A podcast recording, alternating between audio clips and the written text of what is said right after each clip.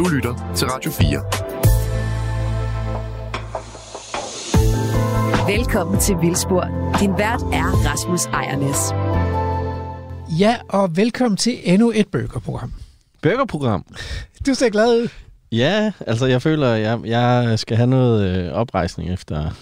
Ja, men det, er ikke, det var nok alligevel øh, falsk, falsk varebetegnelse, Nå, fordi okay. øh, altså det skal handle om okse. Ja, Okser. Ja. Urokser. Ja. Og, og, det, og dem, der er øh, mange burgere på dem. Det var der, Det var der, men ja. så øh, åd vi dem. så vi Ja. har spist for mange urokseburgere. Ja. Altså vores forfædre har. Ja. Det var et ret udbredt dyr, uroksen, i øh, vores øh, klima, altså biogeografiske region. Ja. Det tempererede Europa og Asien rakte uroksen helt ind i. Men nu står vi i dag i en verden uden urokser. De er Ja. uddøde. Ja. Tilbage er der kun tamkvædet. Og hvad, altså, hvad er forskellen på de to? Sådan lige umiddelbart. Jamen, det skal vi dykke lidt ned i dag. Altså, og uroksen var jo kæmpestor. Ja. Så, så, så der er så nogle, øh, nogle gamle skeletter urokser, som tyder på, at sådan en uroks der, hvis du forestiller dig, at du lukker øjnene, og så rækker op over hovedet på dig selv, så kan du lægge, så kan du lægge hånden sådan på ryggen af den der uroks. Ikke? Okay. En meter Ej, det- 80, Jesus. Okay. Måske helt op til to meter. Hold Så, op. så mega store dyr. Øhm, og så var de ret adrette også, selvom de kunne veje tyren af en urokse, kunne veje op til et ton. Ja. Så var de ret langbenede og hurtige. Okay, så det de er både kæmpe store, men de er også vildt hurtige. Ja. Okay. Så Det det er var, egentlig godt forstå for mennesket måske har udryddet dem. De lyder lidt frygtindgydende. ja, men altså, men, men ikke mere. Må de smager godt? Men ikke mere end mennesket. Smagte godt? De Nej. smagte, smagte sikkert glimrende, vil jeg Ja. tro. Især hvis man gik og var lidt sulten. Ja. Ja. Øh, men, øh, men nu gør man forsøg på ligesom at afle sig, og det har man gjort i, i et stykke tid, så er der biologer, øh, der har gjort forsøg på at afle sig tilbage til en urokse. Ja. Og det skal vi tale om i dag. Vi skal tale om, øh, hvad, hvad bruger man egentlig okser til i naturforvaltningen? Hvorfor giver det mening at afle sig tilbage? Og, øh, og vi, skal, vi skal også tale om, vi skal også tale om, øh, øh, hvad er egentlig forskellen på et vildt dyr og et tamt dyr? Ja. Men, men du har prøvet at finde de der øh, kilder. Ja. Ja. Jeg har været ude på lidt af en rejse. Eller lidt. Altså, vi skal jo også undersøge øh, eller snakke om hækkvæg. Det er et af de forsøg, der er gjort på at afle sig tilbage. Ikke? Ja. Hækkvædet. Ja, og da jeg, jeg har kun hørt, altså vi, det, vi har jo faktisk snakket om det øh, for ikke så lang tid siden i, øh, i vores program om det der område i Holland. Ostfarterspladsen. Ja, lige der præcis. går Ja. nemlig hækkvæg. Det gør der nemlig. Jeg kan huske, Ditte øh, sagde det i en, i en talestrøm, så tænkte jeg ikke nærmere over det. Men da jeg, da, da jeg hørte det ord, der tænkte jeg, okay, det må være øh, kvæg, der er opkaldt efter, fordi de altså fylder meget, som en hæk kan gøre. Nå, så Altså, altså, ja, ja, så Ja. du ved, en hæk, du planter. Øh, så, da jeg skulle, så da jeg skulle invitere folk til det her program, og vi kan godt afsløre nu, at den ene, det er Frederik Møller, han er den første i rækken af de her interviews, så skriver jeg til ham, øh, vi vil gerne snakke med dig om hækkvæg. Og så efter jeg har skrevet til ham, så vil jeg lige lave research, og når jeg så googler hækkvæg, så fortæller den mig, det hedder det ikke. Det hedder ikke hækkvæg. Det, er ikke, Nej. det har ikke noget med hæk at gøre. ja, for det er, jo, det er jo de tyske brødrene Hæk. Det er åbenbart tyske brødre, Hæk. Men det, der så var meget interessant, det var, det første hit, det er jo egentlig imponerende, at Google fattede, hvad det var, jeg mente, men mm. det første hit, der står der, nu skal jeg lige finde mine noter for at citere helt korrekt, den første hit er en artikel, der hedder, Landmand afliver nazikøer. Ja. Så Det er alligevel noget af en... det er, det er noget af en overskrift, ja. vil jeg sige. Ja.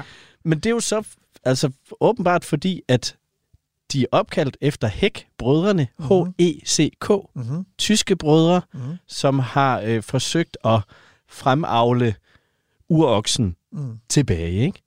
Men det har de jo så gjort under 2. verdenskrig. Ikke? Ja, I billedet af, at uroksen er et symbol på det tyske folk. Ikke? jo, altså, det er ligesom sådan, der har været sådan en, en nationalromantisk forestilling om, at. Ja. alt det oprindelige, øh, det, det var bedre, ligesom ja. end, end alt det der øh, skravl, der var kommet senere. og, og med til det oprindelige, der hører også forestilling om nationalromantiske guldhorn og urokser. Ariske køer. Ikke? Ja. Ja. Jeg synes bare, det er, jeg synes, det er hårdt, øh, og måske lidt synd for de der køer, at nu er de bare nazikøer fremover. Så det der racehygiejniske, det, det, det kan være, vi skal dykke lidt ned i det også i dag, om, om der skjuler sig sådan en lille nation, nationalromantisk racehygiejniker. Ja. i, de der, i Ja. de der projekter. Ja, ja det, kan, fordi det er vel fremavle en eller anden art, man skal have det bedste af det bedste, og så videre, ikke? Altså, Jo. Ja. Og, vi, og det er jo interessant at spørge, om, om det, der var det bedste i forhistorisk tid, altså det dyr, der var bedst tilpasset økosystemerne i forhistorisk tid, er det også godt tilpasset moderne økosystemer, Ja. hvor, hvor, der, hvor man også møder mennesker og sådan noget? Ja, Det ja, vi- det er et godt spørgsmål. Ja. Det, må- vi, vi har en parade af gæster. Ja, og vi starter med, øh, med Frederik Møller. Ja. Fordi det var virkelig også ham, der begyndte det hele, ikke? Fordi Netop. ja, han, han rejste spørgsmålet, og, og han var nede og besøge de her, et af de her projekter, og sådan noget, var ret begejstret. Ja. Øh, han rejste spørgsmålet ind på vores hjemmeside, Ja. på Facebook, ja, vores Facebook-gruppe. Skal vi tage fat i ham? Ja, lad os gøre det. Du lytter til Vildspor på Radio 4. Så vil jeg gerne byde velkommen til biolog og projektleder i den Danske Naturfond, øh, Frederik Møller. Velkommen til Vildspor. Tak. Vi har jo sådan set haft dig med tidligere, fordi du var med i, i Vildsporsprogrammet Skrab og Vind den 19. september 2020, men det er jo ved at være et par år siden. Og så er du jo på en måde anledning til dagens program om uroksen og tauroskvædet, fordi inde i Vildspors Facebook-gruppe, der, der udtalte du dig øh, i opdatering af et andet program, ret begejstret om det her Taurus-kvæg, som du har været nede og besøge. Hvad er det med dig og Taurus? Ja, altså, det er jo det hænger sammen med i den, i den danske naturfond, og der, der arbejder vi jo også med at, at prøve at sikre en vildere græsning og noget, der minder mere om naturlig græsning. Øhm, og der, ligesom alle andre, der arbejder med det, tror jeg, så man hurtigt sådan finder ud af, at med, med hestene, der går det rigtig fint at forvilde dem, og de klarer sig fint, og, og der er ikke nogen problemer, men, men kvædet, det går også principielt fint nok, men det er dem, der altid har problemer, det er dem, der taber sig og har svært ved at holde hul om vinteren, og øhm, ja, og så, så så, så, øhm, så læste jeg om, eller blev, jeg kan ikke engang huske, hvordan jeg blev opmærksom på det, men så blev jeg opmærksom på de der forskellige øh, avlsprojekter, der er. Der er selvfølgelig det som hækkvædet, som, som de fleste kender, men så foregår der også det der nede i Holland, som har, har vel snart omkring 10 år på banen. Øh, og så stod jeg ned og, og, og så det i sommerferien. Du tog simpelthen, altså du bruger simpelthen din ferie på at, at, at lave arbejde. Ja, ja, det, det kan man godt sige. Men øh, jeg laver på fritiden noget, der minder om det nogle andre steder. Så Ja. på den måde så. Men, men prøv at høre, øh, så kommer du til det der, men hvordan bliver man så begejstret, fordi du må have set masser af køer i dit liv? Ja, altså jeg tror, det, det, det, det, for de fleste mennesker, der ser de her vildlevende heste, at det, det giver bare et eller andet helt sådan, vækker et eller andet uinstinkt i en, tror jeg, at se de der vilde, store dyr, som, som man kun er vant til at se i, i udlandet, men at de også kan være i, i Danmark og den europæiske natur. Ja, så er det bare noget helt andet at se, altså når man sammenligner med, når man ser sådan en flok, flok vildlevende heste løbe igennem landskabet, så får man sådan en, et, et, øh, en, en, en følelse af noget autentisk og noget naturligt, men, men det er bare noget helt andet, når man ser kvæg i naturen, synes jeg. Fordi at, at, at de stadig på en eller anden måde giver de der landbrugsvibes øh, og ser, ser på en eller anden måde utilpasset ud. Altså alt det her, det er jo det er sådan lidt ufagligt, men det er jo noget, man føler. Men når man så så de der tagerskvæg, så var det bare en helt anden oplevelse. Så der fik man samme følelse, som når man ser en flok ikke små ponyer, der løber igennem et, et, øh, et naturligt landskab. Så altså, udover at de ikke er avlet til mælkeydelse, så, så de ikke slæber rundt på det der, slasker rundt med det der kæmpe yver, som man kan se på danske kvæg, hvad, hvad er det så, der karakteriserer de der tagerskvæg? Ja, det er jo, altså hos køerne, altså i virkeligheden, så, så, så, er det jo, så er det jo vildt at se den der taghostyr, som, som vejer der 1,2 ton, så det var nærmest et næsehorn, og det var også større end bison, og de var virkelig store og imponerende, men, men jeg tror egentlig, det, der, det jeg blev mest inspireret af, det var at se køerne, fordi selv sådan nogle Galloway og øh, skotske højlandskvæg, sådan noget, de har jo et yver, som på en eller anden måde ser, ser unaturligt ud, og, og det slasker hen ad jorden, ikke? og man tænker, det, det vil ikke have fungeret i, i naturen. Men så sådan en ko der, de, det ligner jo nærmest en hjort. Man kan næsten ikke engang se yberet, ikke engang når de lakterer. Og så er de adrette og ja, langbenede og ligner et vildt dyr. En ko som et vildt dyr, ja. Okay, men øhm, altså, jeg kan huske, du har vist fotos fra Lente Lille, hvor de der græsne dyr i skoven har afbakket bøgetræerne. Det, det er jo sådan lidt en game changer, ikke? Fordi, øh, og, og, og giver sådan et nyt, ny betydning til hele fredskovsbegrebet, hvor man udelukker de græsne dyr fra, fra, fra skovene. Men det var ikke køer, vel? Det var, det var heste, eller hvad? Det er så hestene. Hvorfor, hvorfor, hvorfor, spi, hvorfor øh, afbakker de? Spiser de barken af bøgetræerne, eller hvad gør de? Ja, det, det gjorde vores heste i hvert fald i den lille fredskov. Det er så Kraterkos heste, som har sådan nogle, nogle øh, præmieheste, der har nogle velbevarede egenskaber, åbenbart. Øh, altså, der er også, der er også andre steder, hestene spiser i bakker, og der er også steder, kvæg gør det, f.eks. Poulstrup Sø, øh, hvor der også er helt også kvæg, men, men den der måde, hestene gør det på i Alene Lille, det er jo noget helt, helt særligt. Ikke? Det er jo 100 år i bøge, hvor de, de laver en ringbakning på halvanden meter hele vejen rundt om stammen, og på flere hundrede træer. Så det, det, altså hele den der forestilling om, det er der også mange, der argumenterer mod, altså, eller prøver at argumentere for, at, uh, at hele den der forestilling om, der har været mange store græsne dyr i Europa, at det, det er, er forkert, fordi skoven, skoven bliver fortættes mere og mere, og bærekapaciteten for de der græsne dyr bliver dårligere og dårligere, eller lavere og lavere, fordi der ikke er noget græs at spise. Men, men der viser for eksempel det der nede i Lille Fredskov, at, at det jo også skal være helt omvendt, fordi her der, der, der dræber hestene simpelthen øh, fuldstændig moden skov. Øhm, men, og jeg synes, det er jo en game changer fuldstændig. Ja, øh, ja, ja, jeg synes, det var vilde billeder at se. Øhm, men, men hvad håber du så, at det der tauruskvæg kan? Altså, øh, udover at de er, giver dig sådan den der vibe af, at det er rigtig vilde dyr, vil de så også have en anden funktion, eller, eller er det ikke så meget det, der begejstrer dig? Øhm, jo, det er jo både og. Altså det der, de har den der størrelse, betyder selvfølgelig også, at de kan lave meget mere ravage, og dermed også påvirke deres omgivelser på en måde, som, som ja, både skaber noget, men jo også giver dem et, en, et andet leverum selv. Øh, ved at kunne, altså de der kæmpe hår, gnide sig op ad træer og knække buske. Og, øhm, men så for eksempel tyrene lavede jo også budpits på, på 9 meter i diameter. Det har jeg i hvert fald aldrig set andre steder så store. Det er jo en kæmpe landskabsbearbejdning. Hvad, det skal øh, du lige forklare. Hvad var det, de lavede, siger du? Nogle budpits. Som er? Øh, ja, det er sådan nogle kæmpe huller, de graver med, med hornene. Øh, og det er fordi meget af, altså der er jo en ting, som, som er den direkte kamp, tyr mod tyr, men, men noget, de fortalte med det der Taurus-projekt, var også, at, øh, fordi det selvfølgelig, eller det er sådan det menneskelige rationale, ikke, men eller det sådan, øh, selektionsrationalet, det giver ikke mening, hvis de skal kæmpe hele tiden, fordi det er jo, de der kampe kan være dødelige. Så på den måde har tyrene også rigtig mange adfærdsmæssige træk, som de bruger til at markere over for hinanden, uden at de skal kæmpe. Og det er jo både ved sådan kropssprog, men det er for eksempel også ved at lave sådan nogle store huller, som de graver med hornene, hvor de så kaster jorden op, både på sig selv og, og, øhm, og, og så bare laver de der øhm, kæmpe huller, som man kalder bull pits, øh, syrehuller. Så hvor danske politikere kravler meget højt op i et træ, så, så graver øh, hollandske tyre meget dybe huller for at vise, hvor, hvor stærke de er. Ja. okay, men, øh, øh, men hvordan adskiller de her tauros sig så fra hæk? kvædet, fordi vi, vi, der findes jo faktisk også, at der har gået hækokser i Danmark øh, i, i naturgenopretningsprojekter. Så, så hvorfor ikke bare køre med hæk? Øhm, altså det, det er virkelig ja, et, et godt spørgsmål, fordi man kan sige, at Kækved har jo bevist, at de kan udfylde den rolle, som, som uroksen har gjort tidligere. Man har haft dem i øhm, Svartadspladsen i, i 30 år, ikke? hvor de har vist, at de trives godt i naturen og kan trives under meget vilde forhold.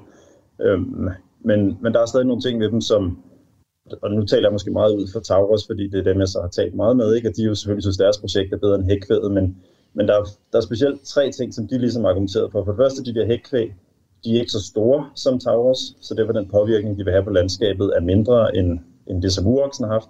Og for det andet, så har man krydset rigtig mange forskellige øhm, øh, kvælinjer ind i, i hækkvædet, så derfor er det heller ikke en særlig stabilt øh, kryds hækkvædet, og og spalter dermed ud i flere forskellige øhm, former, som måske kan være mindre egnet, når de så går i naturen.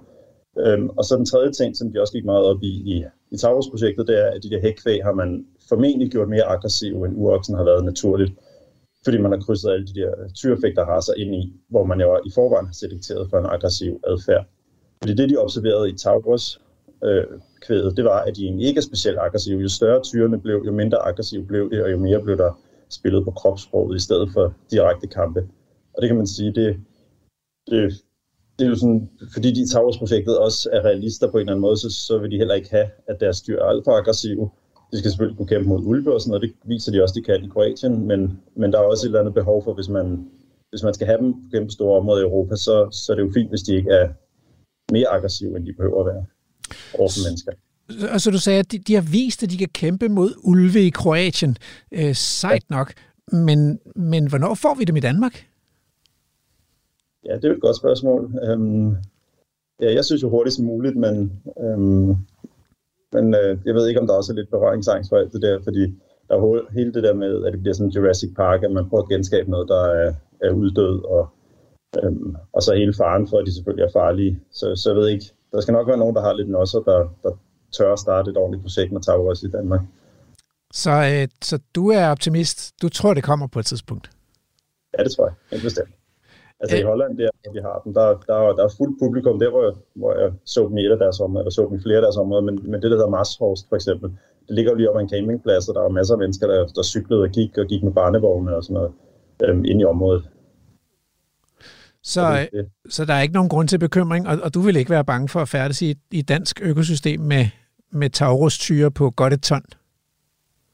Nej, det, det, det tænker jeg ikke. Altså, man skal selvfølgelig lade være med at gå hen til dem, og det, øh, eller være med at gå med, altså de, de sådan generelle retningslinjer, ikke? Du skal være med at gå mellem ko og kalv, og du skal være med at gå ind i flokken, og du skal gå udenom dem og holde en afstand og sådan noget, men, men det skal man jo også, hvis, altså, hvis man ikke har problemer med kronedyrene i dyrehaven, skal man også være med at gå hen til dem, og så, det er jo meget naturligt.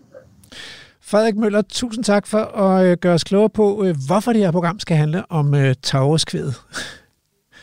Selv tak. Du lytter til Radio 4. Bullpits. Ja, altså, det, det kan et eller andet. Det ja. har vi jo også set ud på Mols Laboratoriet. Ja, de, ja, der, ja.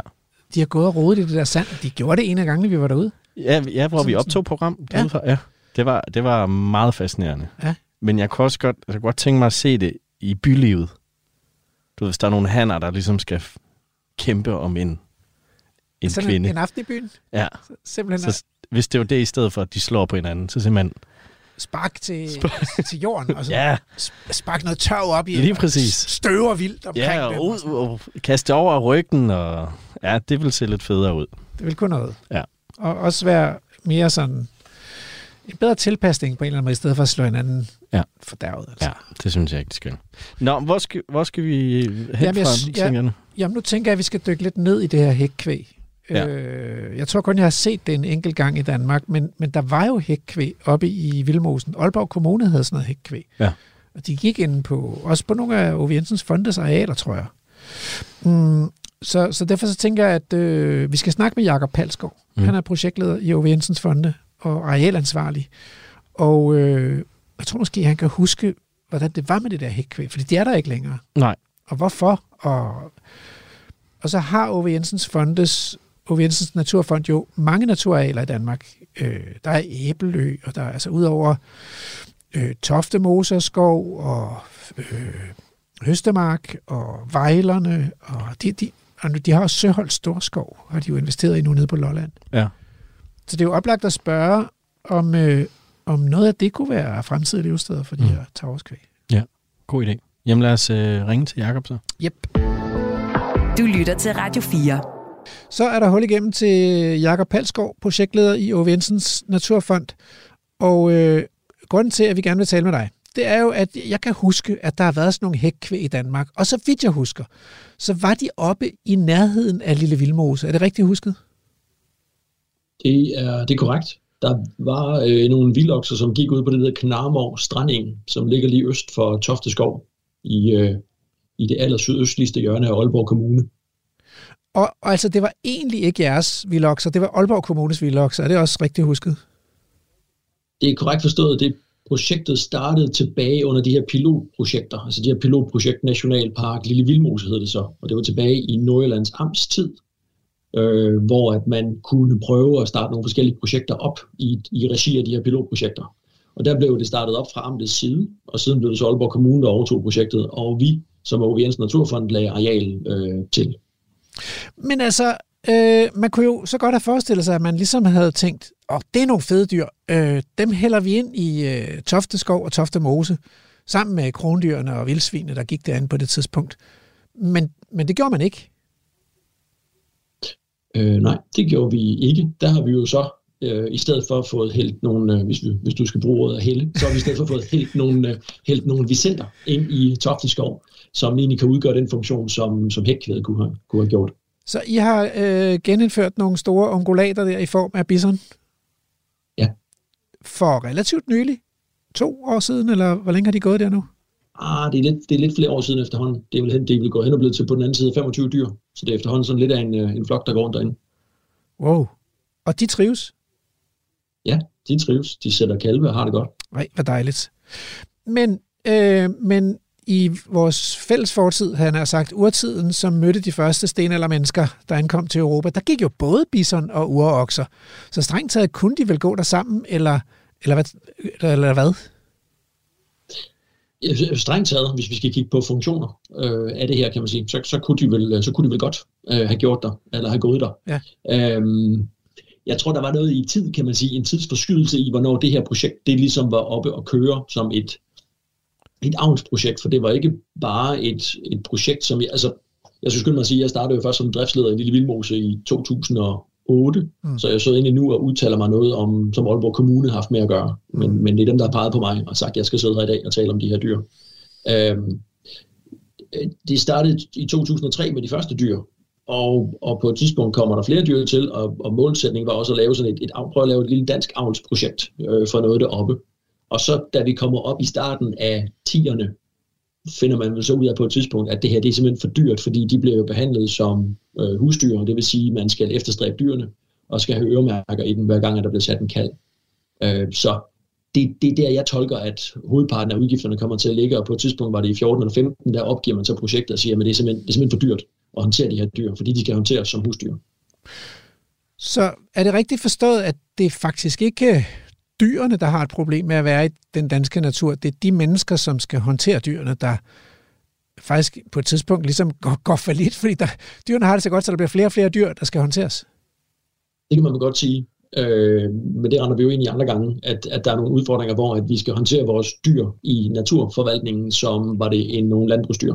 Øh, og det er det, man har ret ind i øh, her, som jeg tolker det. Og det er jo i modsætning til de hækkvæg, der går ned i Ostfaderspladsen, i hvert fald hvad angår øremærker, for de render jo ikke rundt med øremærker. Ja. Det er jo lidt mærkeligt. Det er den samme europæiske landbrugspolitik, der må gælde for Holland og, og Danmark. Men, vi, har jo set, vi har set tidligt, at EU-landene kan nogle gange tolke øh, de samme forordninger lidt forskelligt i den nationale tolkning. Men er der nogen, nu spørger jeg dig som, hvad kan man sige, naturforvalter, er, er der nogen fordel ved at, at have dyr gående rundt med øremærker i? Altså, øh, er det, er, det, er det rart som forvalter ligesom at have et nummer på dyrene, eller? Det er, det er et stort, et kæmpestort arbejde, hvis du skal ud i, hvis nu, hvis nu de var i Tofteskov, så har du et område, der er hegnet på små 4.000 hektar, og hver gang der er en ko, der sætter en kald, så skal du så nå at opsnappe den kald mens konen ikke er i, øh, i nærheden. Og, og du, der har du halvanden døgn eller sådan noget til en start, hvor hun sætter kalven af, ligesom det var vildt, der ligger en kald af og går fra det. Og det ved jeg ikke, hvordan man kunne gøre på sådan en areal. Det var store nok udfordringer på, på, på Knarmov Stranding, som, som jeg forstår det. Og det, det er jo altså kun et areal på 50 hektar. Ja, jeg har også hørt, at det, man skal være bange for som menneske, hvis man nærmer sig sådan noget vildt levende kvæg, det, det er ikke så meget tyrene, det er faktisk mere, mere kørende, når de har sat en kalv, fordi de vil forsvare kalven med alt, hvad de har. Så det er ikke bare besværligt, men også potentielt farligt. Right. Men, øh, men, men det betyder jo sådan set, at vi har en lovgivning i dag, som seriøst spænder ben for at få altså okser ind som element i vilde økosystemer. Der er i hvert fald nogle ting, man skal tage, man skal tage hånd om, kan man sige, i det her. Og der har jo været noget frem om at sige, kunne man arbejde med semi-vilde bestande? Og nogle gange, hvis man er ude i og skulle prøve at forvalte noget semivildt, så, øh, så findes der jo ikke en lovgivning for det, og det vil sige, så, skal det, så foregår det via dispensationer. Det vil sige, at man skal søge dispensationer og dispensationer og dispensationer, hvilket vil være lidt, lidt op ad bakke. Vi har i dag dispensation til ikke at skal øremærke vores vicenter i Tofteskov, men når dyrene måtte forsvinde ud af Tofte, så skal de, have, så skal de mærkes. Så sådan håndterer vi vicenterne i dag inde i Tofte. Det jo, øh, må være en, en kæmpe øh, lettelse. Hvilke andre store vilde dyr har I så i Tofte? Men i dag, altså, og det er jo helt tilbage fra øh, Schimmelmanns tid, kan man sige, altså for, for, for, for i ejer, øh, er der gået vildsvin siden 1920'erne, der har været kronvildt, der som jo, ja, den oprindelige, det oprindelige danske kronvildt, så er der det, øh, det råvildt, der nu er der, som, som lommeuld, øh, hister her i hjørnerne, og, øh, og så er der så de her vicenter. Så det er sammensætningen af, af de store dyr i Tofte i øjeblikket. Og, og må de godt gå der at bare være vilde dyr, eller er der, er, har I nogle forpligtelser over for dem? I skal, de skal så ikke have døre, øremærker i, men er, er der et eller andet, I skal med de dyr der? Vi skal selvfølgelig tjekke, at dyrene har det godt. Ja. Så vi skal en gang imellem rundt og have eller lave et tilsyn øh, på, på de her dyr, og følge øje med, at, øh, at de har et, at de har et ordentligt, at de har et ordentligt fedtlag, øh, og, at, øh, og det kan man altså ikke lave ved en palpering, så det vil sige, det er noget med at komme i felten mm. og få lavet nogle observationer. Okay, og hvis man så tager jeres andre naturområder, altså I, I har jo Vejlerne, I har øh, Æbelø, øh, nu har I lige købt Søhold Storskov nede på Lolland. Men hvis jeg ikke husker galt, så der går jo okser op i Vejlerne og græsser øh, de der øh, strandinge. Er det ikke rigtigt husket? Jo, det er, det er rigtigt, men det er som en, øh, det er som en sommergræsning, så det vil sige, der får vi jo dyr øh, ind udefra, øh, og det vil sige, de kommer, når at vandet er forsvundet fra vejlerne, og der er kommet noget græs, så der er nok at, at æde af, det vil sige, så, så er det udbinding i enten slut maj eller start juni, afhængig af vejret, og så er det jo en, en hjemtagning en gang i løbet af slut september eller start oktober. Og det er typisk vandet, der, er, der, sætter, der sætter grænsen for, hvornår, der er, hvornår vi kan have dyr. Så det er i virkeligheden, øh, hvad kan man sige, klassiske landbrugsdyr, som en dyreholder sætter ud, når, når området er klar til det. Ja, det er det. Og så som noget nyt, kan man sige, eller ikke nyt, men i hvert fald som en stigende bestand, så er der også en, en stærk stigende bestand af kronvildt på vejlerne, som er i øh, de store tagrørskove. Der er jo 16-1700 hektar med, med tagrør deroppe nu. Og der kan vi se på nogle dronefotos, at de har også lavet de fineste systemer af veksler ud igennem, øh, ud igennem tagrørene, og der er, der er rigtig mange dyr. Det er super spændende at, at se, hvad skal man sige, når naturen selv gør noget. Øhm, så, så, så sommerkvædet, hvis vi skulle kalde det det, er blevet suppleret af en helt del kronvildt. Mm. Men hvad så med Stryhold Storskov? Fordi det er jo i virkeligheden et traditionelt dyrkningslandskab, som I har købt, altså nogle dyrkede skove og nogle dyrkede marker, og nu skal det blive til vild natur igen. Er det sådan et område, hvor der kunne være en rolle, en fremtidig rolle for okser, eller hvad, hvad forestiller I jer, at der skal være for dyr i det område? Vi, vi kigger lidt på, hvordan vi får det gjort smartest. Der er ikke nogen tvivl om, at, at det rigtige at få gjort dernede, det er at få sat et eller andet, få sat nogle dyr på af en eller anden art dernede. Øhm, der er i dag kun øh, dobbelt øh, og råvildt dernede, og vi har ikke jagt på, på dyrene, så det, det er en stigende bestand. Og i den her uge, vi går ind i, skal jeg faktisk have dem talt med termisk øh, drone, at jeg får et nyt tal for at sige, hvor vi så er henne i en, en udvikling af dobbelt. Jeg tror, der kan komme til at stå en hel del stykker dobbelt dernede, når man ikke gør noget ved den. Men, men ja, det er tanken, at de skal suppleres på et tidspunkt, om det vær sig er okser eller heste, eller hvad det måtte være. Det har vi ikke taget endelig stilling til endnu. Men, men, der, men det er planer, at der skal en form for græsning på dernede, udover hvad dobbelt kan levere. Kan du ikke lige forklare for lytterne, hvad det vil sige at få dyrene talt med termisk drone? Ja, det er jo sådan med, de, med, hvad skal man sige, med hjortevildet, som kan være svært at, øh, at få moniteret rigtigt. Øh, man kan lave alle mulige øvelser med at gå til fald af dem, altså til lort og, og gang op og gang ned og sådan noget. Men, men der findes en metode i dag, hvor man, når på den kolde tid af året, hvor at, skal sige, øh, vegetationen og jorden omkring dyrene ikke har en masse varmegrader, så kan man med en termisk kikkert, øh, med, altså kam, hedder sådan noget, termisk kamera spændt på en drone, overflyve øh, ens ejendom, skov, øh, hvad det måtte være. Og så popper dyrene ligesom øh, op som sådan nogle små øh, varmepletter dernede, og så kan du tælle dem på, øh, på den vis. Det er simpelthen en standardydelse, du kan købe i dag, og få talt dit hjortevildt. Fascinerende. På den, på den måde. Fascinerende. Ja. Øh, okay, men øh, hvilke andre dyr er ligesom sådan, øh, altså fordi nu har vi vildsvin, og vi har krondyr. I har sat Vicenter ud øh, de her europæiske bison op i, øh, i Tofte. Så går der dårdyr, siger du, ned på Lolland. Der går også dårdyr på Æbelø. Øh, hvad byder fremtiden på for jeres naturarealer? Altså nu har vi snakket lidt om de her tagerskvæg, som måske kan få en rolle at spille på et tidspunkt. Hvad ellers? Altså, vi har ikke nogen konkrete planer om at bringe noget Taurus øh, kvæg til øh, på nuværende tidspunkt, eller noget hækkvæg, kan man sige. Men jeg så da gerne andre ville prøve at starte op med noget, så vi kunne få os nogle erfaringer, øh, øh, nogle flere erfaringer på de her dyr i, øh, i Danmark. Der blev lavet øh, nogle statusrapporter på de her hækkvæg i Lille Vildmose tilbage i 2008, og der blev afholdt workshops med tyske eksperter, der kom op for at kigge til, til avlsprojektet. Og, og den effekt, de havde på Knarmor Stranding, altså på de 50 hektar derude, som vel og mærket er øh, gamle kartoffelmarker, men, men dog groet til i krat og skov, øh, det var faktisk en ganske positiv effekt. Mm. Så det kunne være, at man skulle kigge ind i, øh, i det for at sige, jamen, øh, er der et eller andet, vi har gået glip af? Er der et eller andet, som kan lade sig gøre? Altså, jeg, og nu, nu, nu er det min egen tolkning, men jeg tror, en af grundene til, at det ikke kom videre, det var også noget med det setup, dyrene var ligesom spændt op i. Altså når du har en landbrugsmæssig øh, forvaltning af dem med øremærker, med tilskudsfodring, fordi overskuddet af dyr var måske svært at flytte rundt på til andre steder, mm. så, så bliver du spændt op i, en, en, i noget, kan man sige, hvor du på et tidspunkt, så, så, så hænger det ikke sammen. Hvis mm. nu hvis nu at kystvejen ikke lå ved siden af Knarmor Stranding, og man kunne inddrage et par hundrede hektar ind i Tofteskov, altså nu, nu tænker vi bare tanker, hvor du fik et helt andet kuperet terræn, og du fik en anden sammensætning af, af naturtyper derude, jamen så kunne det være, at det projekt stadig øh, havde gang på jord. Mm. Specielt med nogle dispensationer til at skulle øremærker i, i nogle kalve. Gælder de samme overvejelser for heste? Altså du har ikke nævnt heste, men heste er jo også på en måde sådan et, et landbrugsdyr, hvor der gælder en særlig lovgivning. Altså på Knarmor Stranding var der jo også nogle konik øh, heste, der faktisk gik sammen med det her hækvæg. Og som, som, som jeg mindes det op fra, øh, det efterhånden vil være nogle år siden, og som jeg kan læse i rapporterne, så var det, så var det konik-hestene, der bestemte. Så i vinterhalvåret, når der blev tilskudsfodret, så, øh, så var det hestene, der trak op ved siden af fodret, og så forklarede de altså hækkvædet, at øh, når vi har spist, så kan I komme til, men ikke før. Så der er det hækkvædet, der er, der er dem, der bestemmer. Undskyld, konikæstene, der er dem, der bestemmer. Men nu tænker jeg også på, at, at du ikke har nævnt, at I lige skal lige til at sætte heste ud i uh, Søhold Storskov eller lignende. Altså, så tænker jeg, er der, er der, sådan, er der den samme type af sådan lidt uh, betænkelighed ved de her heste, som der er ved kvædet, fordi det er landbrugsdyr? Altså, vi må se i øjnene, at der, der er ekstra meget opmærksomhed på heste i, uh, i naturplejen derude i øjeblikket. Så jeg vil gøre mig mange overvejelser, om jeg går fra noget, der hedder nu har vi noget kvæg, der græsser derude, til nu har vi noget kvæg og nogle heste. Mm. Altså fordi der er ingen tvivl om, at man køber sig, eller man, man får sig nogle flere, øh, nogle flere udfordringer øh, ved at tage heste med ind.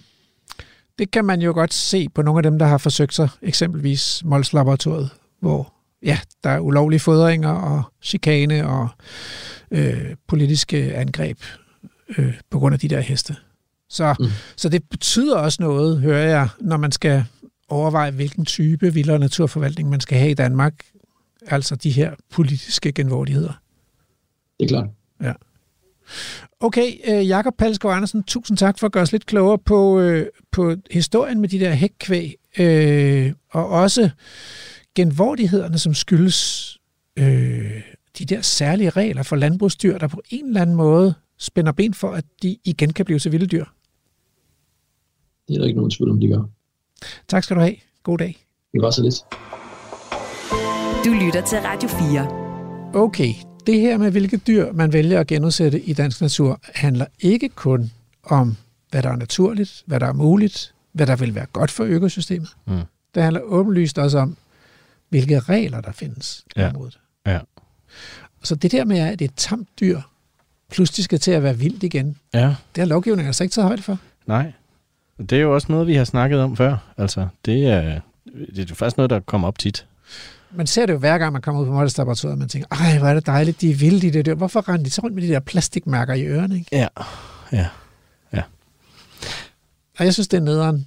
Og jeg synes, det, det ødelægger illusionen, ja. eller, eller, eller sådan synet, ja. Og vi har tidligere lavet vildspor om, om, at vild natur er forbudt i Danmark, men man kunne lave sådan en hel serie ja. om alt det, der er forbudt. Ikke? Og nu, Jacob siger også det der med, at hvis nu de der dyr havde måttet passere vejen, mm. man kunne have lavet sådan et lille stykke på den vej der, ja. kystvejen, hvor man sagde, her skal du sætte fart ned til 30 km i timen, for der kan være passerende dyr. Ja. Og whoopty, så vil der være forbindelse mellem strandingene på den ene side, og Tofte Mose og Tofte Skov på den anden side. Ja. Og det kan vel ikke være så svært? Nej, det skulle man jo ikke synes, vel? Vi sætter jo skilte op, hvis der er hjorte, eller, eller man gør det i alle andre lande. Altså, Præcis. Altså, det, det, det er ikke så svært. Der går han også for rundt i fjellet, når man kommer kørende i Norge, ikke altså? Ja, jeg har da set i Australien koala-skilte, altså, og de er sat med langsomme, når de først kommer ned på jorden. Præcis. Så det... Og kænguru, de er hurtige. de er super hurtige, ja. Alt muligt galt. Ja. Nå. Nu skal vi snakke med Erika Rosengren fra ja. Lunds Universitet. Ja. Hun er, øh, jeg tror, hun er sådan arkeolog. Ikke? Hun arbejder med knoglefund og, og har arbejdet en hel del med urokser. Ja. Så det glæder jeg mig til. Det gør jeg også. Lad os ringe til hende. Du lytter til Vildspor på Radio 4. Nu har jeg fået Erika Rosengren med, og du er kurator og osteolog på det Historiske Museum på Lunds Universitet. Og vil du ikke lige, fordi kurator tror jeg godt, jeg forstår, altså det er sådan en, der holder orden på nogle samlinger, altså så, så, øh, og, og, og studerer dem, men osteolog, er det noget med knogler? Er det rigtigt forstået? Det är alldeles korrekt. Det är eh, vetenskapen om skelettben. Ah. Og, og, og det er ikke sådan nogle skeletben, der bliver tilbage, når man har kogt suppe øh, på, har været hos slagteren og har kogt suppe. Det er sådan nogle gamle knogler, man finder som, altså i arkeologiske udgravninger, eller hvordan? Ja, precis. Så det kan ju mycket väl vara ben som har kokat soppa på en gång i tiden, men det är inte utav oss, utan det är människor tidigare. All, allt ifrån eh, äldre stenålder och fram till sen medeltid, tidig modern tid. Okay. Og et af de dyr, du har studeret, det er uroksen. Øh, det var jo et vildt dyr, men hvor stor en rolle, ved man om det, hvor stor en rolle spillede den her art egentlig i Europa, før den blev udryddet? Den var ret udbredt, ikke? Eller hvordan er det med det? Den totala utbredningen har ju varit förhållandevis stor, inte bara i Europa utan uroxen har ju eh, den totala utbredningen täckte ju även Asien och norra Afrika. Mm. Eh, så den har ju varit utbredd eh, totalt sett men den verkar ju ha varit eh, anpassad företrädesvis till eh, varmare klimat. Så den er, ikke at, den er ikke gået helt op i, i Skandinavien, altså øh, Nordskandinavien? Jo, det har, den, det har den gjort, därför att vi har ju haft en period under tidig eh, Holocen, alltså vår tidiga eh, tid efter den senaste istiden då vi hade det varmare än vad vi har det idag. Men eh, nötkreatur idag kan ju klara av förhållandevis kalla klimat så att i förhållandevis, eh, den klarade inte av istidens klimat kan vi väl säga. Mm, mm. Utan då var den eh, utbredningen var mer begränsad till de södra delarna utav Europa. Og når du siger nødkreatur, så er det, så er det kvæg, altså okser. Tamkvæg. Ja, yes. tamkvæg. Ah. Men så kunne jeg godt tænke mig at spørge, hvad er egentlig den formelle forskel på en vild og en tam okse? Det beror ju lite på, det finns ju olika definitioner. Ehm, det man kan säga är ju att för tama djur eh, som människan i olika utsträckning hållit tam djur eh, åtskilda ifrån de, de vilda. Mm. Eh, så man har isolerat dem, eh, man har försett dem med foder och med skydd och man har dessutom bestämt vilka individer som får fortplanta sig. Mm. Och det är väl, kan man väl säga, eh, det enkla, en enkel definition på vad som skiljer ett tamdjur från ett vilt djur. Och det har ju lett den här processen då som vi kallar domesticering har ju lett till att de har eh, förändrats både till utseendet och till beteendet. Ja, jeg tænker på, altså, når nu man arbejder med knoglefund, altså, er det så let at se på, på sådan en knogle, om den kommer fra en vild urokse eller en tam ko? Eh, det beror på. Eh, lite på vilka ben i kroppen man tittar på. Ah och eh, från vilken tid som nötkreaturen härstammar därför att över tid så har de ju varierat väldigt mycket i storlek. Eh, det man kan säga är att generellt så blir eh, djuren när de domesticeras så blir de mindre till storleken. Eh, då, där blir eh, mindre skillnad mellan könen, alltså mellan korna och tjurarna eh, hos tamkväg än det är hos, eh, hos eh, uroxen. Mm. Eh, och det gör ju då att om vi tittar på och jämför benen så kan vi som regel se skillnad på eh, de stora skallarna av uroxetjurar till exempel, för de hade de här enorma hornen. Men sen kan vi också se skillnad på de allra minsta tamkorna och de största eh, uroxetjurarna därför att de skiljer sig i storlek. Mm. Men sen har vi ett intervall där i mitten så att eh, tam nöt, alltså nötkreaturens tjurar eh, var ungefär samma storlek som uroxekorna. Mm. Och där kan det ju då bli svårare om vi bara sitter och tittar på benen. Det... Då kan man ju använda andra metoder som DNA till exempel och oh, yeah. liknande. Mm. Okay. Altså, øh, der er jo en del af, af nutidens øh, øh, tam, tamkreatur, som ikke har horn længere, men, men det var vel både tyren og koen, der havde horn øh, i, ja. der, for hos uroksen. Ja. Så er det også en, er det også noget, man bevidst har avlet for, for at gøre dyrene mindre farlige, eller det her med at være, med, at, at, at være uden horn? Ja. Mm. Okay, men, men nogle gange slipper tamdyr, altså tamme kører jo ud i naturen, og så viser det sig, at de ofte kan overleve. Altså, hvis bare der er mad nok. Øh, for eksempel i Tjernobyl-området render der så nogle sortbrogede malkekøer rundt, som er sluppet fri, og som kan klare sig i naturen øh, vinter og sommer. Så der må jo være nogle af de der gener, uroksens gener, der stadigvæk findes i sådan en tam ko. Ja, alltså det är ju det att under en stor del av eh, tamkreaturens eh, ska man säga, historia så har man ju inte hållit djuren på stall utan det är ju en väldigt ny företeelse. Och innan det så höll man ju dem mer eller mindre fritt i naturen och man vaktade dem mot rovdjur i princip. Men till stor del så har de ju fått att liksom leta mat själv och, och försvara sig mot rovdjur. Så det gör ju att många av de här beteenden eh, finns kvar, åtminstone i vissa av de här raserna. Ah. Og, og det der med, at dyrene skulle være små eller er blevet små, umiddelbart så tænker man, om det var da rart at have et stort dyr, så kunne det give mere mælk og mere kød og så, så, så er der nogen logisk forklaring på, at man har domesticeret dyrene til at blive små? Ursprungligen så har det ju sannolikt varit för att eh, man har velat skydda sig själv. Det har varit eh, väldigt aggressiva djur, de flesta utav dem. Sen har man säkert eh, domesticerat de individerna som då har varit mest benägna att bli tama, alltså de mest timida individerna av uroxar som man har hittat. Eh, och så har man eh, antingen att den lilla storleken eller den mindre storleken har blivit en biprodukt utav att man har, har börjat att avla på dem eller om man aktivt har avlat för att de ska bli mindre och lättare att ha att göra med.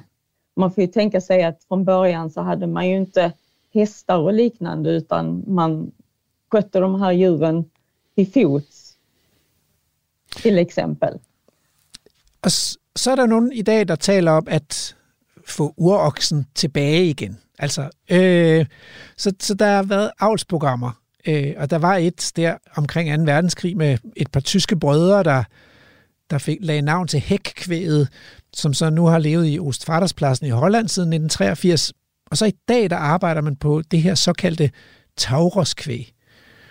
Jeg tror endda, der både er et hollandsk Tauros og et tysk Taurus-projekt. Men, men hvad tænker du, altså kan man afle sig tilbage til en urokse?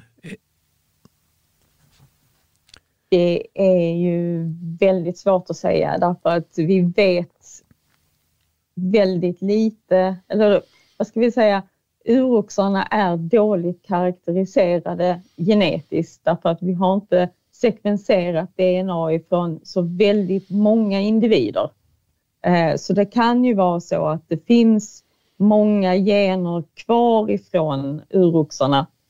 Dels naturligtvis på grund av att de härstammar ifrån uroxen, även om det är en underpopulation av uroxen som blev domesticerad i Främre Orienten och som sen spreds. Eh, men sen eh, i samband med att de då spreds över Europa så har de ju också korsat sig med uroxar som de stötte på eh, runt om i Europa. Så, vilket då har gjort att det är gener som har överförts ifrån de vilda populationerna in i tamnötkreaturen. Och det kan ju vara så att, att många av de här generna finns, finns kvar. Men vi vet inte nödvändigtvis vilka de är innan vi har kartlagt DNA från många uroxar. Mm. Eh, det jag skulle vilja säga är ju att så länge man korsar de här nötkreaturen som då härstammar ifrån en begränsad population så är det ju de generna vi har att använda. Mm.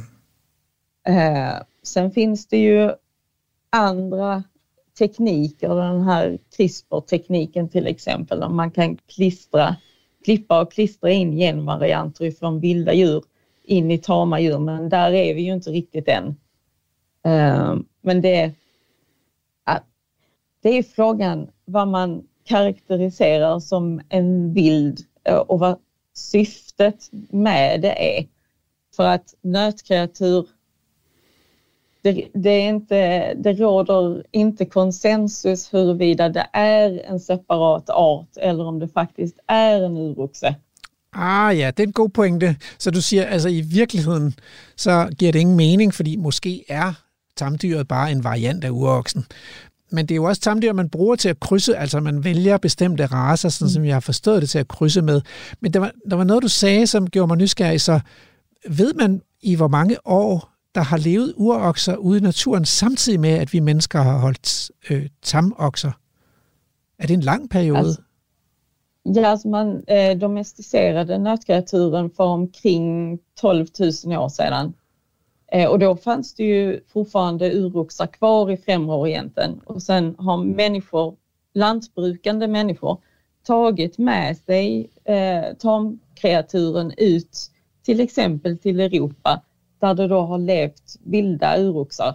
Så de har ju samexisterat. Det har de gjort även i, i Danmark. Man säger eh, på eh, Jutland till exempel så har, kan, har man genom att studera vad de har ätit kunnat se att uroxen har blivit undanträngd utav eh, de tama populationerna som, där människan då har sett till att de har fått beta mm på de bästa betesmarkerna och så har uroxarna blivit undanträngda till, till skogen och till stränderna. Ah, så nogle af de urokser, vi finder i, i skovmoserne og sådan noget, de har måske været presset ud af, af menneskerne og vores tamdyr. Det ser man, okay. altså det ser man jo i Serengeti og Masai Mara i dag, at, at hvis ikke man ligesom freder nogle områder til de vilde dyr, så trænger kvæghyrderne jo ind på græsningsarealerne. Så der er konkurrence. Præcis. Men, men øh, man kan jo så satse på at skabe nogle dyr, nogle store dyr, store tyre, over 1000 kilo, med lange ben og flotte horn. Så, så måske er der alligevel nogle kendetegn, man godt kan bruge i det her avlsprogram. Ja, det är det ju. Det beror ju på. Vill man, vill man ha en urox, och det är ju eh, det ultimata målet eh, med de här avelsprojekten som Aurind och Tauros, att skapa en modern motsvarighet som är så nära det ursprungliga, både genetiskt och eh, utseendemässigt. Mm. Eh, och det är väl inte, det är nog inte omöjligt. Eh, därför att vi har en del primitiva nötkreaturraser, till exempel i Italien och i Spanien och så vidare, eh, som har många av de här egenskaperna kvar. Frågan är vad de vad är syftet med att skapa, återskapa en uroxe? Ja, varför? Eh, är det bara ja. för att de ska hålla landskapet öppet och I så fall så har vi ju redan eh, nötkreatur som klarar av att göra det. Så øh, og vi talte i starten af programmet med en biolog fra den Danske Naturfond, Frederik Møller, og han sagde, at han havde oplevet de her dyr, og, og for ham var det også noget følelsesmæssigt, at han havde sådan den der fornemmelse af, at, at de her tauroskvæg, de var tættere på at være et, et vildt dyr, altså sådan mere hjorteagtige i deres øh, bevægelsesmønstre, uden at skulle slæbe rundt på det her tunge øh, yver, mm. som, som, mm. som, som de almindelige tamkvæg har. Så for ham var det sådan en, en, en, en stor naturoplevelse at, at møde de her tauruskvæg. Så måske kunne det være en begrundelse. Absolut. Själv känner jag en stor fascination inför att man eventuellt skulle kunna träffa de här eh, jättedjuren. Eh, men sen har jag också en, en stor respekt för att, eh, att avla fram en vild motsvarighet med det tryck eh, ifrån till exempel rovdjur och liknande eh, så är det ju inte det är ju inte en tam ko som man kan gå fram och klappa utan det kommer ju vara ett djur som kommer vara skyggt, aggressivt, eh, försvara sig och sina unga. Mm. Och det ska man ju vara medveten om. Ja, så, så hvis den dag kommer, at man får sat dem ud i de skånske skove, øh, bliver du så hjemme, eller, eller er du alligevel så nysgerrig, så du skal ud og gå tur? Jag hade nog gett mig ut, eh, men med viss respekt. Ja. Vi har ju fortfarande till exempel älgar i Sverige eh, och de försvarar ju också sina unga. Så att eh, man får, ha en, man får ha en respekt för naturen helt enkelt. Erika Rosengren, kurator og osteolog på Lund Universitet. Tusind tak for at være, være med her og gøre os lidt klogere på tamdyr og, og vilde dyr. Tak så mycket. Du lytter til Vildspor på Radio 4. Det må være tid til at opsummere. Ja. Yeah. Hvad synes du? Jeg synes, det er virkelig spændende. Men øhm, jeg, ved ikke. jeg vil bare gerne se de dyr heroppe. Vi skal jeg, have sådan en. Ja, jeg vil utrolig gerne opleve, altså det, så det, som du skitserede i starten med, at den, den er 1,80. Ja. Det, jeg, det vil jeg utrolig gerne se. Det er tyren, der er det, ikke? Jo, jo, Også, bevares, men alligevel. De der, de der billeder, ikke? Så tyren er sort. Ja. Og konen er brun. Ja. Det kan også et eller andet. Og så, ja. og så konen er sådan lille og elegant og adræt. Og jeg tænker også, når jeg tænker på de der øh, naturplejedyr, jeg har set, så er de sådan lidt tunge. De går ja. og slæber sådan lidt ja. på deres krop. Ja. Det der med at se sådan et, et, et adræt dyr som en ko, det, det kunne jeg godt tænke mig.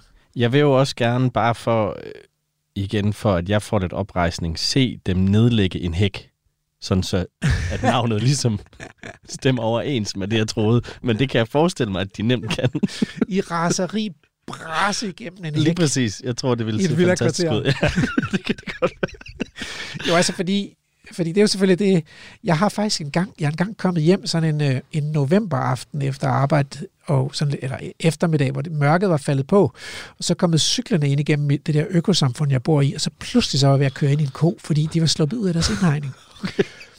Og øh, det var jo så en ting, ikke? Altså, øh, så jeg blev lidt forskrækket, men så trillede jeg rundt om dem, de blev fanget ind igen og sådan noget. Men i, i, i månedsvis bagefter, så døde vi jo med, at de havde bare gået rundt på en græsplæne og sat ja. de der dybe aftryk ja. af deres øh, kloge i jorden. Ja.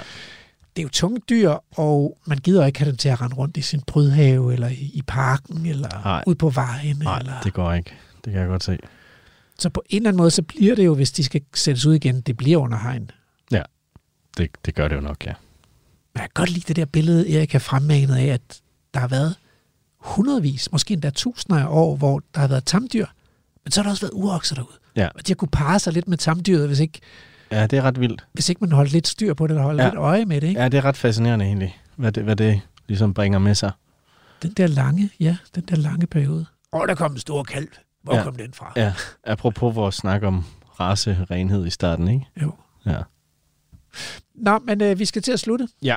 øh, programmet her, og øh, det må jeg tid til at sætte, sige tak til øh, Frederik Møller fra den Danske Naturfond, for at have ligesom delt sin begejstring med os over det her Taurus Kvæg-projekt.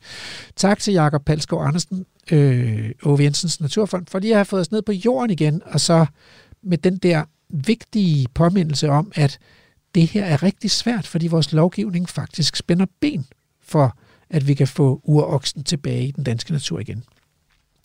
Tak til Erika Rosengren fra Lunds Universitet, som kunne hjælpe os med at forstå, hvad forskellen er på vilde dyr og tammedyr øh, og minder os om, øh, at det er værd at overveje, hvad er det, vi vil med de der urokser? Hvad er formålet? Tak til producer og redaktionschef Andrew Bullpit Davidson, og, øh, og så slutter vi af med dagens haiku. Det lyder sådan her. Langbenet Kleppert danser gennem skovene. Tauros gør comeback. Programmet er produceret af Videnslyd for Radio 4.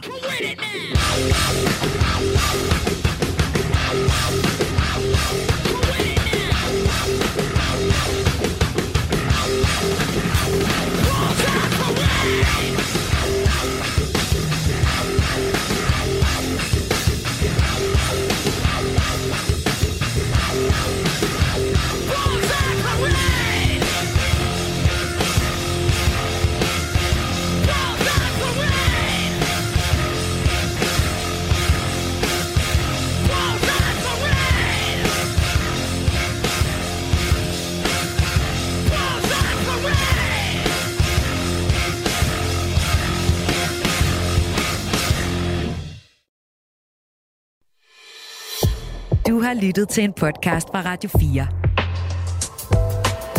Find flere episoder i vores app, eller der, hvor du lytter til podcast. Radio 4. Ikke så forudsigeligt.